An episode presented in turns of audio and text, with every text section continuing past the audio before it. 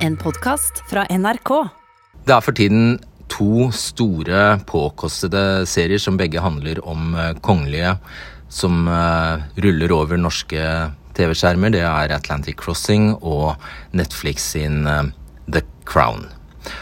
Og begge seriene har avfødt til dels sterke reaksjoner og hard kritikk. Atlantic Crossing har fått så hatten passer for at man, eh, eller serieskaperne, prøver å ikke bare omskrive norsk historie, men også verdenshistorie ved å tillegge kronprinsesse Märtha en for stor eh, rolle. Og i Storbritannia raser debatten om eh, hvorvidt The Crown har en politisk slagside til fordel for venstresiden, og om den framstiller ekteskapet mellom Charles og Diana på en rettferdig måte. Det påpekes at den serien ser alt gjennom Dianas sine briller. Så dette var en god anledning til å endelig ta en kulturdebatt i debatten. Vi har hatt altfor få av eh, dem, men eh, i dette tilfellet så innfrir jo ordskiftet rundt disse seriene alle kriterier vi ellers ville ha brukt for å sette sammen en interessant debatt. Så jeg håper du liker den. Kan film- og serieskapere dikte så mye de vil, bare de kaller det fiksjon? Kan de omskrive verdenshistorien under fanen kunstnerisk frihet?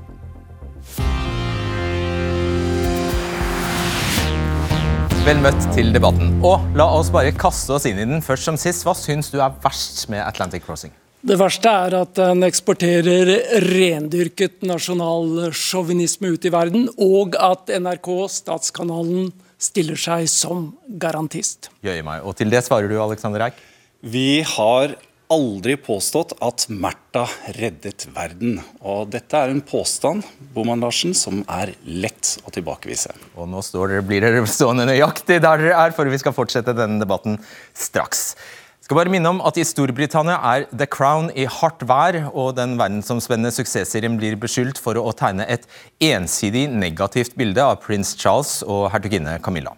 Serien har også fått konsekvenser for livet deres. De har måttet stenge kommentarfeltene på sosiale medier fordi de flommer over av hatmeldinger fra Diana-fans.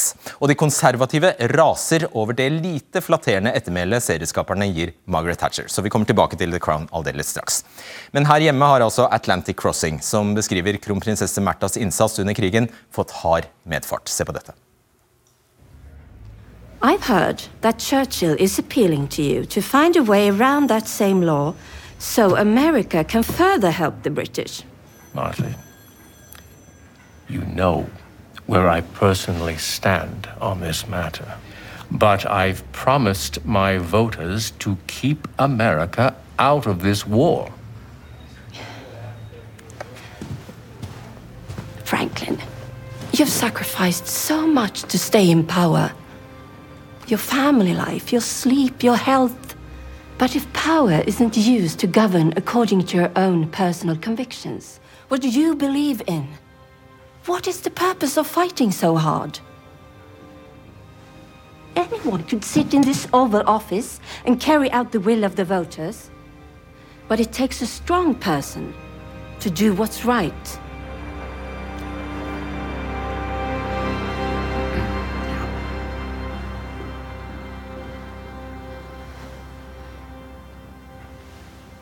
When I was pregnant with Ragnhild, just three weeks before my due date, our house caught fire.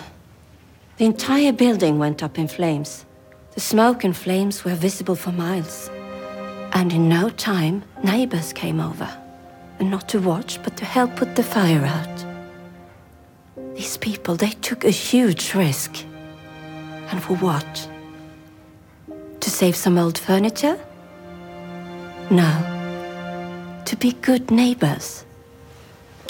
That was very kind of them.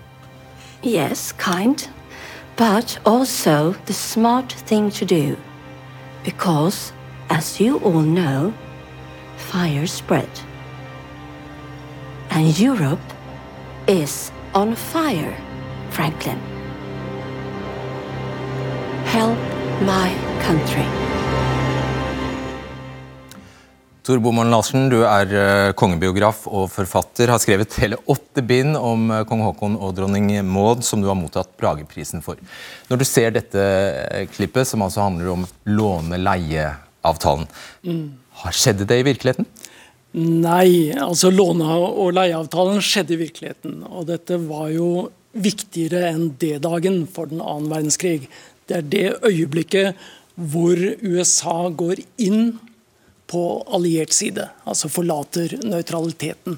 Og akkurat det argumentet vi ser her om brann, altså de gode naboer som slukker brannen, det var Roosevelts eh, primære argument for å snu den amerikanske opinionen eh, til å forlate nøytraliteten og støtte Storbritannia, ikke Norge, som, eh, som kronprinsessen sier.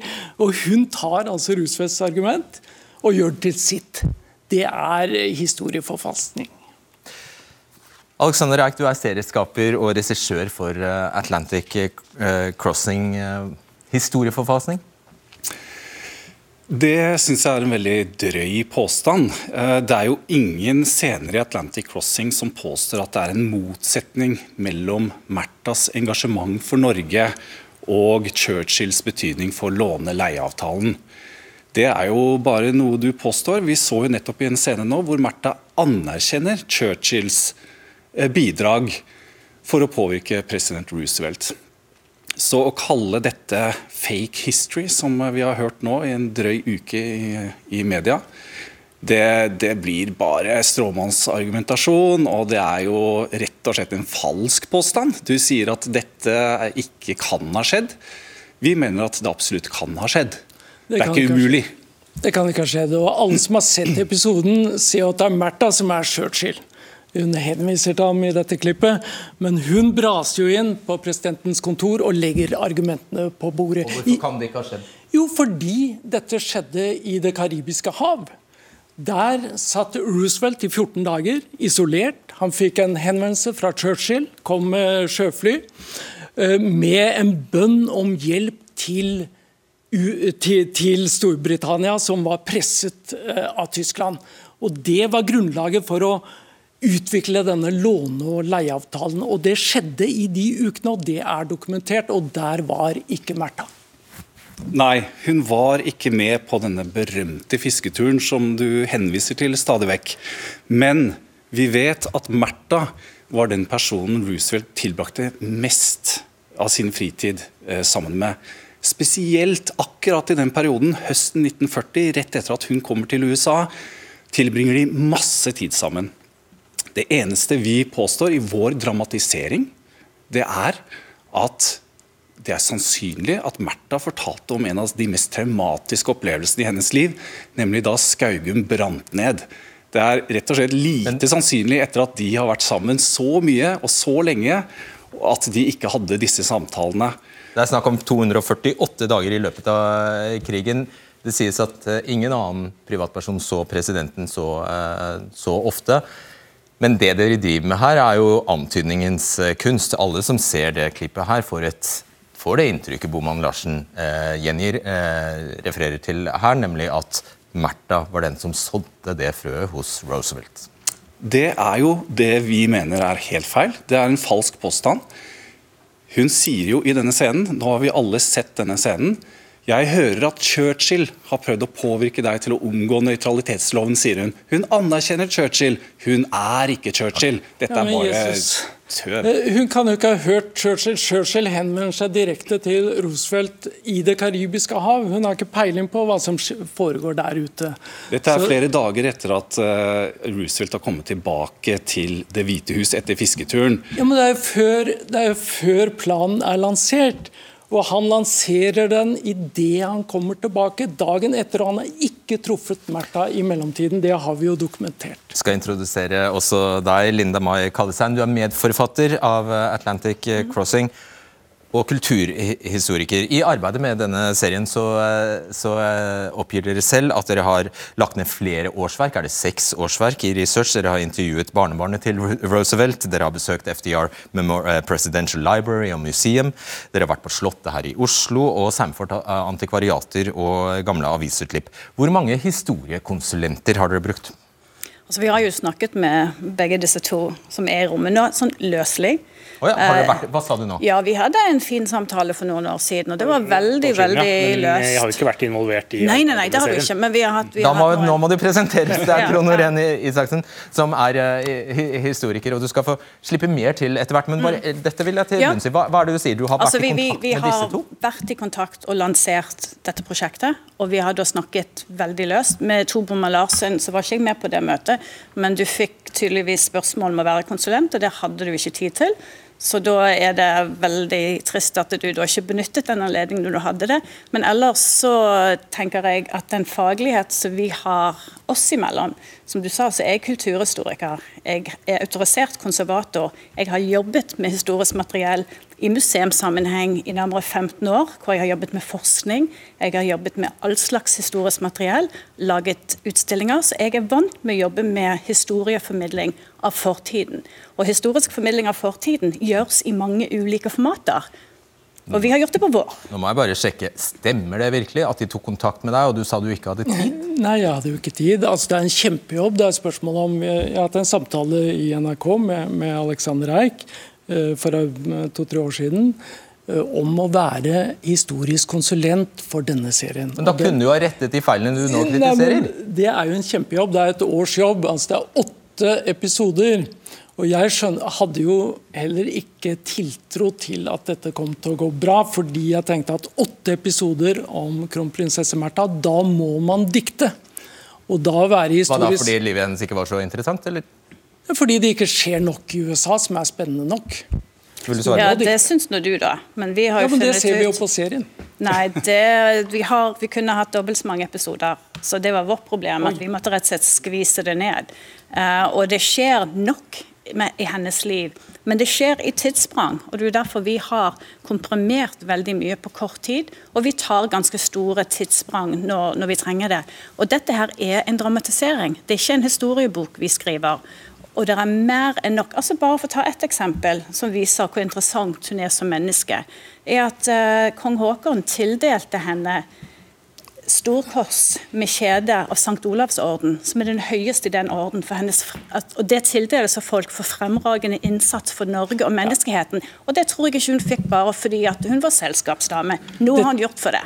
Dette sier jo en del om historisk kompetanse. Å tildele en prinsesse eller kronprinsesse en kongelig orden, det, det er noe man får som kongelig.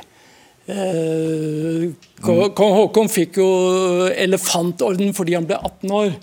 Så, så det er jo ikke noe argument for historisk betydning. At Märtha gjorde en god innsats, det er jo hevet over enhver tvil om hun nå fikk St. Olav eller ikke. Nå har det blitt omtalt, og du har eh, reagert og ristet på hodet over det som er blitt satt her. Eh, Trond Norén Instaksen, du er altså historiker og forfatter og har skrevet seks bøker om kongehuset. To om eh, kronprinsesse Märtha faktisk, og hennes rolle under krigen, og forholdet til Roosevelt. Så det er vel Er det noen som presumptivt skulle kunne dette, så er det deg. La oss først ta dette her med at du ble faktisk spurt om å bidra som historisk kompetent eh, Eller historiker. eh. Nei, det ble ikke. Altså, jeg hadde en samtale med Linda meg og med Alexander for åtte år siden, hvor jeg besvarte noen spørsmål, men jeg har på ingen måte vært involvert i dette prosjektet etter den samtalen. Og jeg har samtale med veldig mange mennesker, inkludert mediene, som henvender seg til meg med spørsmål. Så jeg har ikke vært involvert i denne serien. på Men jo, det er jo, du, du, grunnen til at eh, det, det er relevant, er jo at du har også fremmet kritikk mot uh, serien. Så hvis du mente det var uh, fare for feil, så kunne du ha deltatt. For åtte år siden så var dette på et veldig tidlig stadium. Eh, Jeg har ikke blitt kontaktet på noen som helst måte i løpet av de åtte årene som har gått. Jeg har ikke vært involvert i noe faktakonsulentarbeid eller noe som helst, så jeg har ingenting med denne serien å gjøre. Bortsett fra at jeg har besvart en henvendelse for åtte år siden, som jeg også gjør når f.eks. du henvender deg til meg. Da sporer vi tilbake. Vi spurte ikke Norén Isaksen om han ville være konsulent. Eh, dessverre. Jeg angrer på det nå. Men, eh, men vi spurte Tor Boman Larsen. Ja, ok. Da sporer jeg dere tilbake til, til Ja, eh, Når det gjelder er Olavsorden. Ja. Olavsorden, så er faktisk det et godt argument. fordi at det var ingen automatikk i at kongelige kvinner fikk Sankt Olavsorden. Prinser fikk Sankt Olavsorden når de fylte 18 år. Dronning Maud fikk aldri Sankt Olavsorden i det hele tatt. Kronprinsesse Märtha er den første norske kvinnen som får storkors med kjede av Sankt Olavsorden i 1942, nettopp pga. hennes eh, krigsinnsats. Så ikke en gave til familiemedlemmer? slik Nei, det er det ikke. Eh, Dette er en utmerkelse. Hadde han altså aldri hatt noen grunn til å gi den til sin egen kone, så har han selvfølgelig en grunn til å gi den til sin svigerdatter i 1942. Men la oss ikke krangle en evighet om St.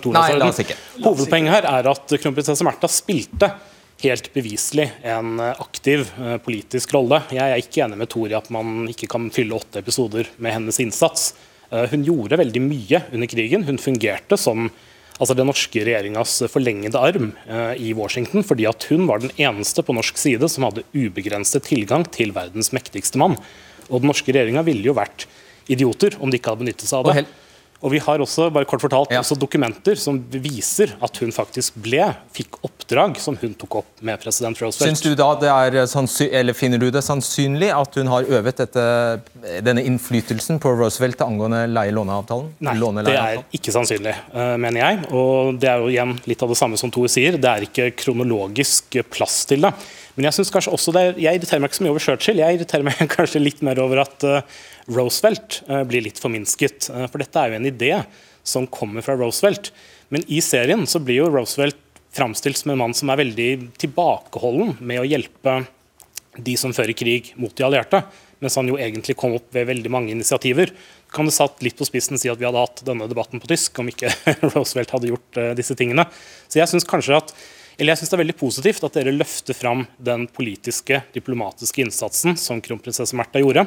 Men samtidig så syns jeg ikke det er noen grunn til at man trenger å dikte så mye. Eh, Jeg syns serien overdriver det på en måte som slår litt beina under troverdigheten på den. Svar kort på det, og hvilke kilder har dere eh, nøyaktig for, eh, for å Nøyaktig! Ja, det har vi ikke tid til i- Ja, Det har vi ikke tid til i det programmet her. Vi har jo enormt altså Det ligger et enormt researcharbeid. Er mange mange kilder. Um, men De hevder jo de ikke finnes, så da bør du nevne en, da. Nei, jeg, jeg, For meg så jeg begynner å, å se nå at dette handler jo om fortolkning. Altså Hvordan er det man leser denne scenen hvor hun forteller om Skaugum som brenner, og hvordan det henger sammen med, med eh, Roosevelts radiotale, hvor han eh, presenterer denne samme analogien, denne metaforen. da. Eh, det eneste vi påstår, er at vi er dramatikere. Dette er vår fortolkning. Vi har stilt utrolig mange spørsmål, og det er derfor det også har tatt så mange år å utvikle dette prosjektet. Hva er det som skjedde bak lukkede dører? Hva snakket kronprinsesse Märtha og president Roosevelt egentlig om? Snakket de om politikk? Vi har gjort research på det. Vi har funnet ut at ja, det gjorde de. De snakket politikk. Dette kan eh, Norén Isaksen bekrefte. Er det sannsynlig at hun har fortalt om brannen på Skaugum? Ja. Vet vi at det inspirerte Roosevelt til sin analogi om naboens hus som brenner? Nei, det vet vi ikke. Men vi er diktere. Vi er dramatikere. Vi kan se disse tingene i sammenheng og si Kanskje inspirerte det han til å bruke denne metaforen, men at det er hun som gir han ideen til Endlist, det er jo ikke det vi påstår. Ok, Da tror jeg vi skjønner det. Ja, okay. Det er det de påstår. Og dette er en av de viktigste metaforer, bilder, i verdenshistorien. Og det å ta det fra Roosevelt og legge det i munnen på en norsk kronprinsesse, det er en tilsnikelse. skal uh, spore deg inn på et, en annen verdensbegivenhet. Det er altså Pearl Harbor, bombingen av Pearl Harbor. Uh, vi ser i serien at uh, Roosevelt nærmest styrter av gårde rett etter nyheten om at, Ja, ja. om at den amerikanske basen er, er angrepet av Japan, til kronprinsesse Märtha. Og ja, som omtrent den første han søker råd og trøst eh, hos. Hva vet vi her? Jo, vi vet selvsagt alt om det døgnet hvor USA ble angrepet, eh, Pearl Harbor. Da kjenner man Roosevelt hvert eneste sekund, så viktig er det. Og det er ingen fortolkning når presidenten kaster seg i bilen og kjører 25 minutter til Pooks Hill i dette døgnet. Men det er vel heller ikke så farlig om man gjorde det eller? Er du gæren? Det er jo tjenesteforsømmelse. Han har jo generalstaben hengende over seg, og, og landet er i krig. Og han trenger altså råd fra Norges kronprinsesse for å erklære krig mot Japan. På. Nei, vet du hva? Du vet åpenbart ikke så mye om historisk drame som format. For det vi gjør, er at vi forholder oss til det som er historisk dokumentert, både av hendelser og personer. Og vi lar oss inspirere til å ta det med i den frie diktingens rom. Og i det rommet, selv om vi vet at de hadde en telefonsamtale på dagen, så er det ingen poeng å alltid drive med telefonsamtale, for det er dårlig drama. Hele poenget er at de hadde et nært og tett forhold, Og om det skjedde den dagen eller den dagen i forhold til den slags ting. vet du hva, Det blir så detaljert, og du klarer ikke å løfte deg vekk ifra det. Og Jeg forstår veldig godt at du er historiens portvokter her når det gjelder en del ting når det gjelder amerikansk politikk. Men da bommer du veldig på målet med hva er meningen med historisk drama. Hvem er du enig med her? Du, Her er jeg enig med begge to. Altså, Jeg er enig med Tor at dette skjedde ikke. Men samtidig så er ikke jeg blant de historikerne som mener at en dramaserie ikke skal ha lov til å dramatisere. Selvfølgelig skal den det. Um, problemet er jo at man bør holde seg relativt, i hvert fall når det gjelder mennesker som faktisk har levd, og hendelser som faktisk har skjedd, så bør man kanskje holde seg litt til det som er noenlunde riktig. Men uh, dette med at kronprinsesse Märtha hadde en samtale med, med Roosevelt 7.12., Pearl Harbor, det vet vi at ikke skjedde. Uh, det var det ikke tid til, som Thor sier. Men, og er, Mener du det er like viktig som han gjør?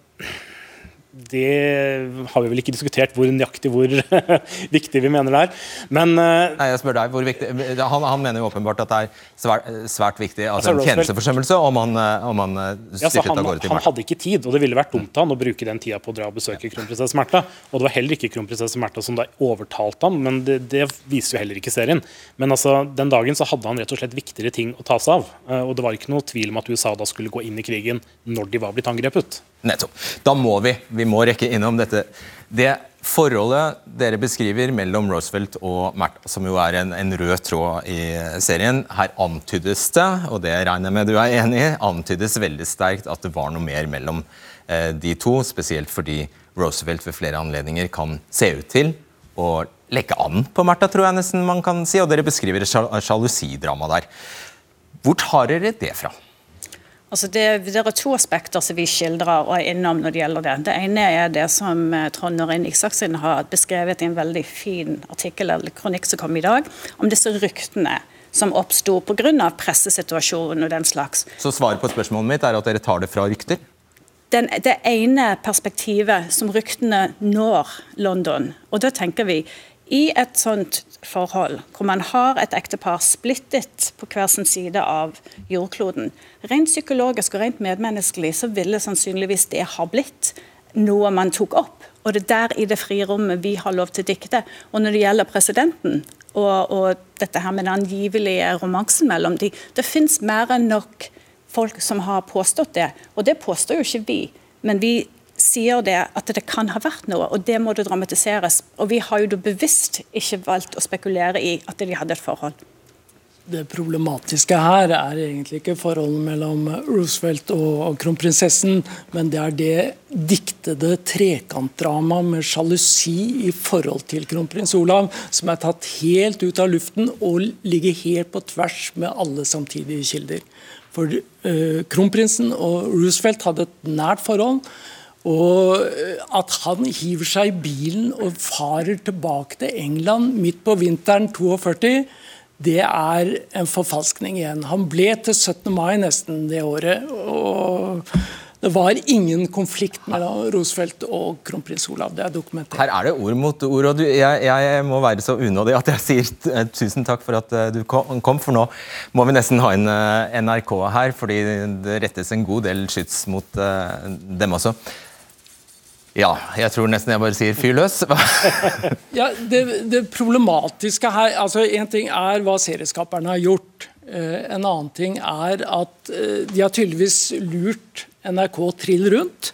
Uh, Dramasjefen skriver i dag i Aftenposten at han fant dette sannsynlig i NRK da de fikk, fikk manus presentert. Alt mulig manus? Det kan han jo mulig ha tenkt? Eh, det er de scenene vi har snakket om nå, virket på NRK sannsynlig, og de kunne stille seg bak det. Og de presenterer jo dette som om det var fakta. Så NRKs forbrytelse er? Eh, å gå god for det som en faktabasert serie, og selv i sine eh, informasjonsspalter, informasjonsserien til NRK, altså avdelingen, de skriver at dette skjedde. At Märtha eh, påvirket Roosevelt til å legge nøytraliteten bak seg. Vil du kjapt strø salt i såret? Eh, kniven? Jeg sa litt lenger enn kjapt. Eh, det som jeg synes er hovedproblemet, så som du jo for så vidt har tatt selvkritikk på i Aftenposten i dag, det er jo nettopp denne dobbeltkommunikasjonen, med at man på en måte sier at dette er liksom basert på en sannhet. Eh, den siste episoden vi så, den var oppdiktet fra begynnelse til slutt. Og så har man jo denne faktasjekken som man legger ut på nrk.no, hvor man faktasjekker seg sjøl, som jo er grunnleggende inhabilt. Og der gir man jo også seg sjøl rett i ting som beviselig er feil. Sånn som i denne siste episoden så fortelles det jo at sommeren 1942 så var idyllen nær å briste. Märtha og familien ble nesten en del av den tyske sabotasjeaksjonen Operasjon Pastorius, hvor de sendte ubåter til Long Island. Det står at det ene teamet snek seg i land på stranda ved Amaganset på Long Island, rett ved sommerhuset til kronprinsesse Märtha. Og dette gir man seg sjøl rett i. Kronprinsesse Märthas sommerhus lå 15 mil fra dette stedet. Så vi feiler i vår egen faktasjekk? Ja, og ja. dette skjedde den 12. juni. Kronprinsesse Märtha flyttet til det sommerhuset den 3. juli. Hun var ikke i nærheten, verken i tid eller sted, men dette får altså godkjent av NRKs egen faktasjekk. Den faktasjekken skal du få slippe å svare på i første omgang, Ivar Kuhn, dramasjef her i NRK. Du skal få svare på uh, følgende. Teksten på plakaten til uh, denne serien er 'She changes the course of war'. Intet mindre. Altså, Mener du kronprinsesse Märtha faktisk gjorde det? Endret retningen på Nei, det, det, kan jeg absolutt ikke si. og Det er jo heller ikke vår plakat som du refererer til. Hvem som plakat er det da? Nå refererer, nå refererer du til det internasjonale salgsselskapet som har rettighetene til salget. Så det er feil, det da? Ja, det, det, virker som en sånn typisk salgsplakat som det fins veldig mange av, hvor de, hvor de liksom flytter opp én eh, liten setning. Au da. Har du bedt dem om å ta det vekk? Nei, det har jeg ikke eh, gjort. Har du bedt dem om å korrigere, da? Nei, jeg har ikke gjort det. Nei. Men, dette, men si, det, det, er jo en måte å møte publikum på. Hvis det er feil, så bør, bør, jo noen si fra. Ja, det kan du ja. si. Uh, brukte dere altså, faktasjekket, brukte dere historiske konsulenter for å sjekke om det dere fikk servert, var riktig? Vi har ikke brukt fakta, eller historiske konsulenter vi fra NRK. Vi baserer jo det vi lager på egentlig på det tillitsforholdet som vi har mot forfatterne og, og produsentene. Så Boman Larsen har helt rett i at dere har bare stolt på det dere fikk? Vi har stolt på det vi har fått, og vi har tillit til det, til det forfatterne har jobba med, og det materialet som de har uh, kommet frem med. Men Så du vi, har jo redaktøransvar? Jo, jeg har jo redaktøransvar fordi at det er en dramaserie. Men, og det er en dramaserie. Det er, ikke, det er stor forskjell på det som NRK lager. Vi lager noen ting som er, som er journalistiske og dokumentarer som, som har én type redaktøransvar, og så har vi jo det som, som Da spør jeg annerledes. Vet du hva som er rett, og hva som er, hva som er fakta og fiksjon i denne serien? Har du oversikt over det? Nei, jeg har, jeg har, Vi har jo hatt samtaler om som, hvordan de har dramatisert eh, fakta, og, og, og hva som hvordan de har lagd det som fiksjon. Men det er klart, eh, når jeg sitter og hører på dette, så opplever jeg at det er forskjellige meninger på hva som er faktafiksjon, og, og, og hva, som er, eller hva som er fakta. Men uh, det er ikke um, det, Vi betrakter dette som fiksjon. altså ren fiksjon. Alt. Ja, Vi sier at dette er en dramaserie. Det er en dramaserie og basert på fiksjon. Så, så utgangspunktet er det. Ja, da, da, må jeg arrestere. Det NRK altså skriver på sine informasjonssider, er at kronprinsessen griper muligheten til å påvirke presidenten på et tidspunkt da de allierte desperat trenger USAs hjelp i kampen mot Hitler. Det er nettopp å endre krigens kurs som det står på den plakaten. Så dette må NRK ta ansvar for. Dette er lagt ut som faktisk informasjon i forlengelse av 9. Men, men april. Nå, nå stopper jeg deg. Du, du, er jo selv i ferd med å lage det. Skal vi filme, din egen bok om Maud og Håkon skal jo filmatiseres i Det får vi nå se på. Ja, for det, det de har fått til her, er jo å reise store midler og, og, fått dette ut i verden. Ja, men det er jo ja, poenget mitt. Ja. Det du skal lage, eller det du forhåpentligvis skal lage, ja. det er drama. Og jeg Selvsagt. ja, Ingen har noe imot drama. Ja, men dette er drama. Nei, men Det er en blanding. Man lager drama, men presenterer det som fakta. Ja, men da må jeg, bare, har, jeg må bare si at uh, Hver eneste episode av Atlantic Crossing introduseres med en plakat hvor det står 'inspirert' av sanne hendelser. Du kan ikke lukke ørene for ordet 'inspirert'. Dette er fiksjon, Boman Larsen. Det er ikke dokumentar. Det er en veldig stor forskjell. Nå skal jeg være partisk og gi deg siste ord i denne runden. Vær så god. ja, men, nei, ja, men det er helt riktig. Vi må se på dette som, som fiksjon. Og Vårt ansvar og mitt ansvar som redaktør det er jo å lage en fiksjonsserie som både underholder, fascinerer og føler at folk er, eh, blir emosjonelt bundet til. Og da, og da må vi uh, ha lov å gi retten til dramatikerne til å både forkorte, forandre, forenkle og dramatisere uh, episoder. Hvis, hvis, hvis, det ikke funker liksom, som en fiksjonell serie, så, så, må det fiksjonelle vinne fremfor, fremfor fakta. Sånn, sånn, er det i en dramaserie. Tusen takk. Takk skal dere ha. Den britiske kulturministeren skal skrive til Netflix og be om at de legger inn en advarsel foran hver episode av The Crown, sånn at seerne blir gjort oppmerksom på at det de skal få se, er fiksjon. Oliver Dowden sier unge mennesker som ikke levde da hendelsene i serien foregår, kan tro at fakt, fiksjon er fakta. Her hjemme har kulturminister Raja avvist at han vil gjøre noe tilsvarende overfor NRK på samme måte. I hug who I want to. I hug who I love. Particularly when they are affected by the selfishness of others and need cheering up. Who are you referring to? Camilla. Why would I care about her? Because I care about her! Morning, noon, and night I care about her! Camilla is who I want. That is where my loyalties lie. That is who my priority is. Inger Merete Hobbelstad, du er forfatter og kommentator i Dagbladet, har skrevet en biografi om Elisabeth 2. Hvis du skulle sammenligne The Crown og Atlantic Crossing, hvem har tatt seg størst friheter? Det vil jeg definitivt si er Atlantic Crossing. altså Den typen eh, omskriving av viktige historiske begivenheter som det har skjedd der. Den typen eh, ting ser du, ikke, ser du, ikke, i The Crown. Samtidig så har man også i The Crown gjort valg som på en måte eh, går utover det man vet, og iblant endrer på det man vet. Eh, og Noen av dem er relativt ubetydelige, mens jeg tenker at noen av dem er mer alvorlige og verdt å diskutere. Ta et par alvorlige. Uh, ja, altså Når det gjelder denne personlige historien som er mye omtalt nå i sesong fire, som handler om ekteskapet mellom prins Charles og prinsesse Diana, hans affære med Camilla Parker Bowles, uh, så blir det jo annet hevdet at det var kongefamilien som orkestrerte uh, Camilla Parker Bowles ekteskap med Andrew Parker Bowles, og som sendte prins Charles ut i marinen for å holde dem fra hverandre for å ødelegge denne affæren. det stemmer ikke. Der var det henne og hennes familie som sto for det. altså Andrew Parker Bowles er uansett en litt sånn passive parten i dette, men der gjør de på en måte kongefamilien til en mer sånn Machiavelli-lignende eh, kraft som styrer sine medlemmer som marionetter, i større grad enn hva det er, eh, hva det er belegg for. Akkurat. Interessant. Øyvind Bratberg, førstelektor eh, ved Universitetet i Oslo, statsviter og forfatter, og kan Storbritannia svært godt. Hvordan påvirker altså det, Jeg skal bare minne om det jeg sa i sted. The Crown har altså fra første episode bergtatt det britiske publikum, verdenspublikummet, må man kunne si, og får nå også inngrep i britisk politikk. Hvordan?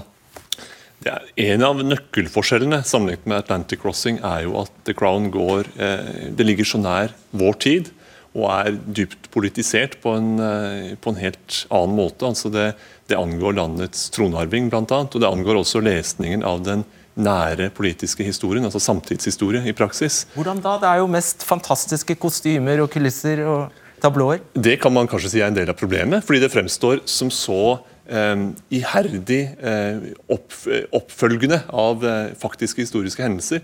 At man får jo et inntrykk av at, at her er detaljpresisjonen så god og oppriktigheten så stor at man kan jo ta det imot som, som Da Må alt liksom være sant? Ja, altså du, Man erfarer jo selv. Altså, hvis man har en, en, ganske god eh, forståelse av eh, britisk politikk, så vel som eh, kongehusets stilling, så kan man likevel bli besnæret av eh, de personlige intrigene, altså karakterskildringene Eh, oppfatningen av hva som har foregått bak lukkede dører. Hvordan er det egentlig? Og så blir man sittende med det som en effektiv inngang til en, en lesning av ens egen samtid. og Det er problematisk. Ja, Vi kommer tilbake til nøyaktig hva debatten går på i Storbritannia aldeles straks. Agnes Moxenes, kulturkommentator her i NRK. Hvor vond er den kritikken? Vi bør spole tilbake til Atlantic Crossing et lite mm. øyeblikk. Jeg eh, skal ikke dvele ved det, men hvor vond er denne kritikken for NRK? Nei, Det er klart at den er eh, smertefull, det. Det er jo en av de største dramasatsingene NRK har hatt. Og så ikke før har den startet, så kommer noen av de tyngste historikerne og kongebiografene ut og, og ja, slakter serien. Og det er jo en debatt som har rullet og gått den ene uken etter den andre. Eh, og mange vil vel også si at eh, det har gått litt på tilliten løs for NRK ikke det utrolig at eh, man ikke har kan, kan, Det er jo nokså forutsigbar kritikk? Ja, Det skulle man jo tro, for den kommer jo hver eneste gang det kommer en, en, serie. Så kommer det jo en historiker eh, løpende, men det er jo derfor vi har historikerne. De skal jo komme og, og, og fortelle oss hva er det som er tilnærmet sant her, og hva er ikke. Og, og, det er jo som Brattberg sier, det er veldig veldig vanskelig når man ser en sånn serie som dette her, å skille hva er det som er riktig, og hva er det som er galt. For de fleste av oss, særlig så langt tilbake i tid som annen verdenskrig, vi har jo ikke peiling. Og Hvorfor er det så viktig at vi eh, vet nøyaktig på millimeteren hva som er riktig og hva som er galt, når, vi, eh, når det aller første vi får se er at det du skal få se nå er fiksjon, det er drama? Du kan si at Man trenger kanskje ikke å vite det på millimeteren, men man skal kanskje ikke bomme med meteren heller. Eh, det er på en måte et perspektiv jeg savner litt i eh, denne debatten. Det er at Man snakker som om hvis det er eh, helt etterrettelig, så er det bra, og hvis det er dikting involvert, så er det dårlig. Altså Alle dramatiseringer av historien vil innebære et element av diktning. Altså Vi ville ikke forstått noe av det hvis vi, ville, hvis vi hadde blitt plassert midt i en av de store historiske begivenhetene. Det ville vært for innforstått, for folksomt, for, for forvirrende. Og, og ikke minst så skal det eh, klare å leve opp til et visst underholdningsnivå. altså Det er ting man ikke vet, hvor man må fylle inn de hvite feltene. altså Alt dette må alle som lager dramaserier forholde seg til. Eh, men likevel så er det en side av saken at du kan ikke spa opp hele terrenget for å passe til kartet du har heller. Altså Man kan ikke drive ren ønsketenkning om historien. Så du mener de har gått for langt når det gjelder Atlantic Crossing? For når det gjelder Atlantic Crossing så syns jeg de har gått for langt. Når det gjelder The Crown så er vi mer i en litt sånn diskutabel gråsone, som det ofte vil, vil være. Eh, og det, det, som man da må finne seg i som serieskaper, tenker jeg, det er at man stiller kritiske spørsmål til de valgene du gjør, der du er nødt til å dikte. Er de valgene gode eller dårlige? Hever de eller senker de kvaliteten på serien? Og ikke minst, er de etisk forsvarlige, all den tid det tross alt er snakk om levende personer? Mm. Da, på hvilke, altså... Eh er, vi observerer at i Storbritannia så er det spesielt de konservative som steiler over måten Margaret Thatcher blir framstilt i denne serien på. Hva, hvilket bilde er det seerne får av uh, den tidligere statsministeren? Thatcher og hennes regime på, på 1980-tallet er eh, fremstilt som, eh, som eh, et kynisk, hardt prosjekt som uten videre forsøker å, å sprenge det, det, gode Storbritannia til fordel for en, en, et ideologisk korstog, nærmest. Og Thatcher selv er jo en, en trangsynt, sneversynt, hardtarbeidende kvinne. og det er jo interessant nok en av, de, en av, de, få anledninger hvor hun faktisk kommer godt ut, er jo nettopp i, i, i, nærkontakt. De første nærkontaktene med kongehuset. Hvor de på et vis viser seg å være eh, avvisende og, og, eh, så dypt forankret i aristokratiet at de, de, på et vis støter henne fra seg fordi hun er middelklasse. Og Da kan man kanskje se med litt blidere øyne på Margaret Thatcher, men utover det så er eh, portrettet av henne i denne serien handler om en, en, en, en hard og sneversynt politisk leder. Det er ikke noe godt ettermæle, kan man trygt si. Og Noe av det som jo eh, gjør dette på mange vis eh, enda ytterligere vanskeligere, er at det er nålevende personer vi snakker om, og med følelser, for så vidt, selvfølgelig som alle, alle andre. De skal sitte hjemme og se på dette, og ikke minst ta imot alle de reaksjonene som kommer, som avstedkommes av en, en, eh, av noe som kan være oppspinn. Mm. Ja, så Når det gjelder The Crown, da, så er det jo så tett innpå vår tid at alle blir jo historikere. Så alle kan, er jo i stand til liksom, å gå inn og, og reflektere over hvordan man selv har opplevd det. Men når det gjelder Atlantic Crossing, så ja, altså, vet, Hva vet vi? Var kronprins Olav en fyllik? Gikk han på fylla? Var eh, kronprinsesse Märtha en flørt? Vi vet ikke, men det er jo veldig eh, nokså drepende karakteristikker av, av to Skal vi da ta hensyn til at vi har en herværende kongefamilie som er etterkommere etter disse? Nei, det syns jeg ikke automatisk, men det må vel liksom være en slags logikk. fordi at en sånn historie den skal, fortelle, den skal fungere på så mange lag. Det er både den store nasjonale og europeiske historien, og så er det den bitte lille historien som er enkeltmenneskene inni dette store, store dramaet. Og det må fungere. og vi, jeg tror vi, er, vi, har, vi, vil gjerne være med på veien. Og det er jo mange som setter pris på Atlantic Crossing også. Det må sies. Ja, det er det absolutt. Ja. Ingen, ingen, som har sagt noe annet, for så vidt. Ja. Altså jeg synes på ingen måte man skal ta hensyn til hva en kongefamilie ønsker eller ikke ønsker. hva gjelder en slik dramaserie, Men jeg tenker også som serieskaper at man må prøve å være fair. At man prøver å være rettferdig, ikke minst med tanke på at dette er mennesker som aldri kommer til å ta det til motmæle. Verken det norske eller det britiske kongehuset kommer selvfølgelig til å gå ut og si hva de mener stemmer og ikke stemmer eh, i filmatiseringene om deres liv. Eh, og hva gjelder The Crown, altså noe som det har kommet kritikk for, og det er en kritikk som jeg er enig i, det er at i skildringen av ekteskapet mellom Charles og Diana, så tar de ganske tydelig Dianas parti.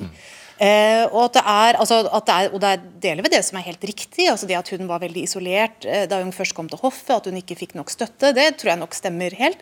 Eh, men hun var også en person som kom med ganske mye tung mental bagasje, og som ikke på, på så mange måter var lett å forholde seg til. da. Og Det er på en måte noe som jeg tenker er verdt å ha med i dette her. Altså, og selvfølgelig så hadde jo Charles og Camilla også håpet at det var et tilbakelagt stadium. At man hadde leget de sårene. Ja. Eh, men eh, saken er at prinsesse Diana hadde en voldsom troverdighet overfor sitt publikum. De knyttet henne veldig tett til seg. Hennes historie hadde veldig stor troverdighet. Og det er verdt å huske at veldig mange tror på den historien. For veldig mange er det Dianas versjon som er historien om det ekteskapet. Men det var ikke en nøytral versjon. Og du mener vi er vitne til et karakterdrap? overfor eh, prins Charles, eh, utvilsomt. Det, det, er jo det inntrykk man sitter igjen ved. og Da, da er det jo eh, ytterst problematisk når den personen som her portretteres, også er landets tronarving, og hans mor dronningen er, er aldrende, og vi lever i en usikker tid. Kongehuset går en usikker fremtid i møte. Det betyr ikke at det britiske monarkiet smuldrer i morgen, men det betyr at, at det er en stor eh, nervøsitet knyttet til hvordan dette skal hvordan dette skal bli. Og da skal vi huske på også at eh, denne eh, sesongen av The Crown ender jo da i november 90. Og det er jo først i neste sesong at det virkelig kulminerer, de, de fryktelige personfeidene og, og, og ekteskapet mellom Charles og Diana. Og alt det som, som nå kan på et vis vekkes til live. Man kan, eh, man kan godt frykte det. Det kan man. Og bare, altså, selv om uh, det, det, er et, et lite paradoks, eller det, det, som er, det er i hvert fall fascinerende, at uh, serieskaperen Peter Morgan er både monarkist han sier han uttaler at han har fått eller nei, han er egentlig republikaner, men han har fått stor personlig respekt for eh, dronningen, sies det. Men han er også venstrevridd, og det blir brukt i, det, eller det kommer til, stadig, til stadighet opp i debatten skildringen eh, politisk av Storbritannia på 80-tallet i The Crown er eh, det, det tales fra et venstreperspektiv. Når til og med eh, Fagan, som da bryter seg inn på, på Slottet og entrer dronningens soverom, til og med han har jo en, en liten politisk hymne på vegne av venstresiden og i, i kritikk av Thatchers prosjekt. og det dette her er, det er trukket et stykke ut i et lende hvor man kanskje ikke burde vært. Til slutt, Kunne man ha lagd The Crown om den norske kongefamilien? Ja, altså Jeg regner jo med at det må komme en dramaserie om Harald og Sonja og deres besværlige start på, på sitt uh, kjærlighetsforhold og ekteskap. ja. Skal vi grue oss til det? Ja, da får, får vi mer tid i studio, så jeg kan ikke se hvorfor man skal bare se frem til. ok, Greit, da er vi enige om det. Debatten er tilbake torsdag. Vi ses.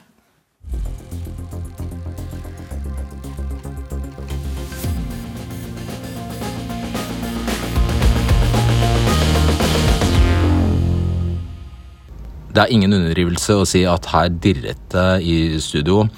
Eh, det er snakk om helt ekte mennesker med helt uh, ekte følelser, og der veldig mye står på spill. Og for oss andre så mener jeg det ble et interessant eh, innblikk. Jeg tror vi bare sier at dette var det. Ha det bra. Du har hørt en podkast fra NRK. Hør flere podkaster og din NRK-kanal i appen NRK Radio.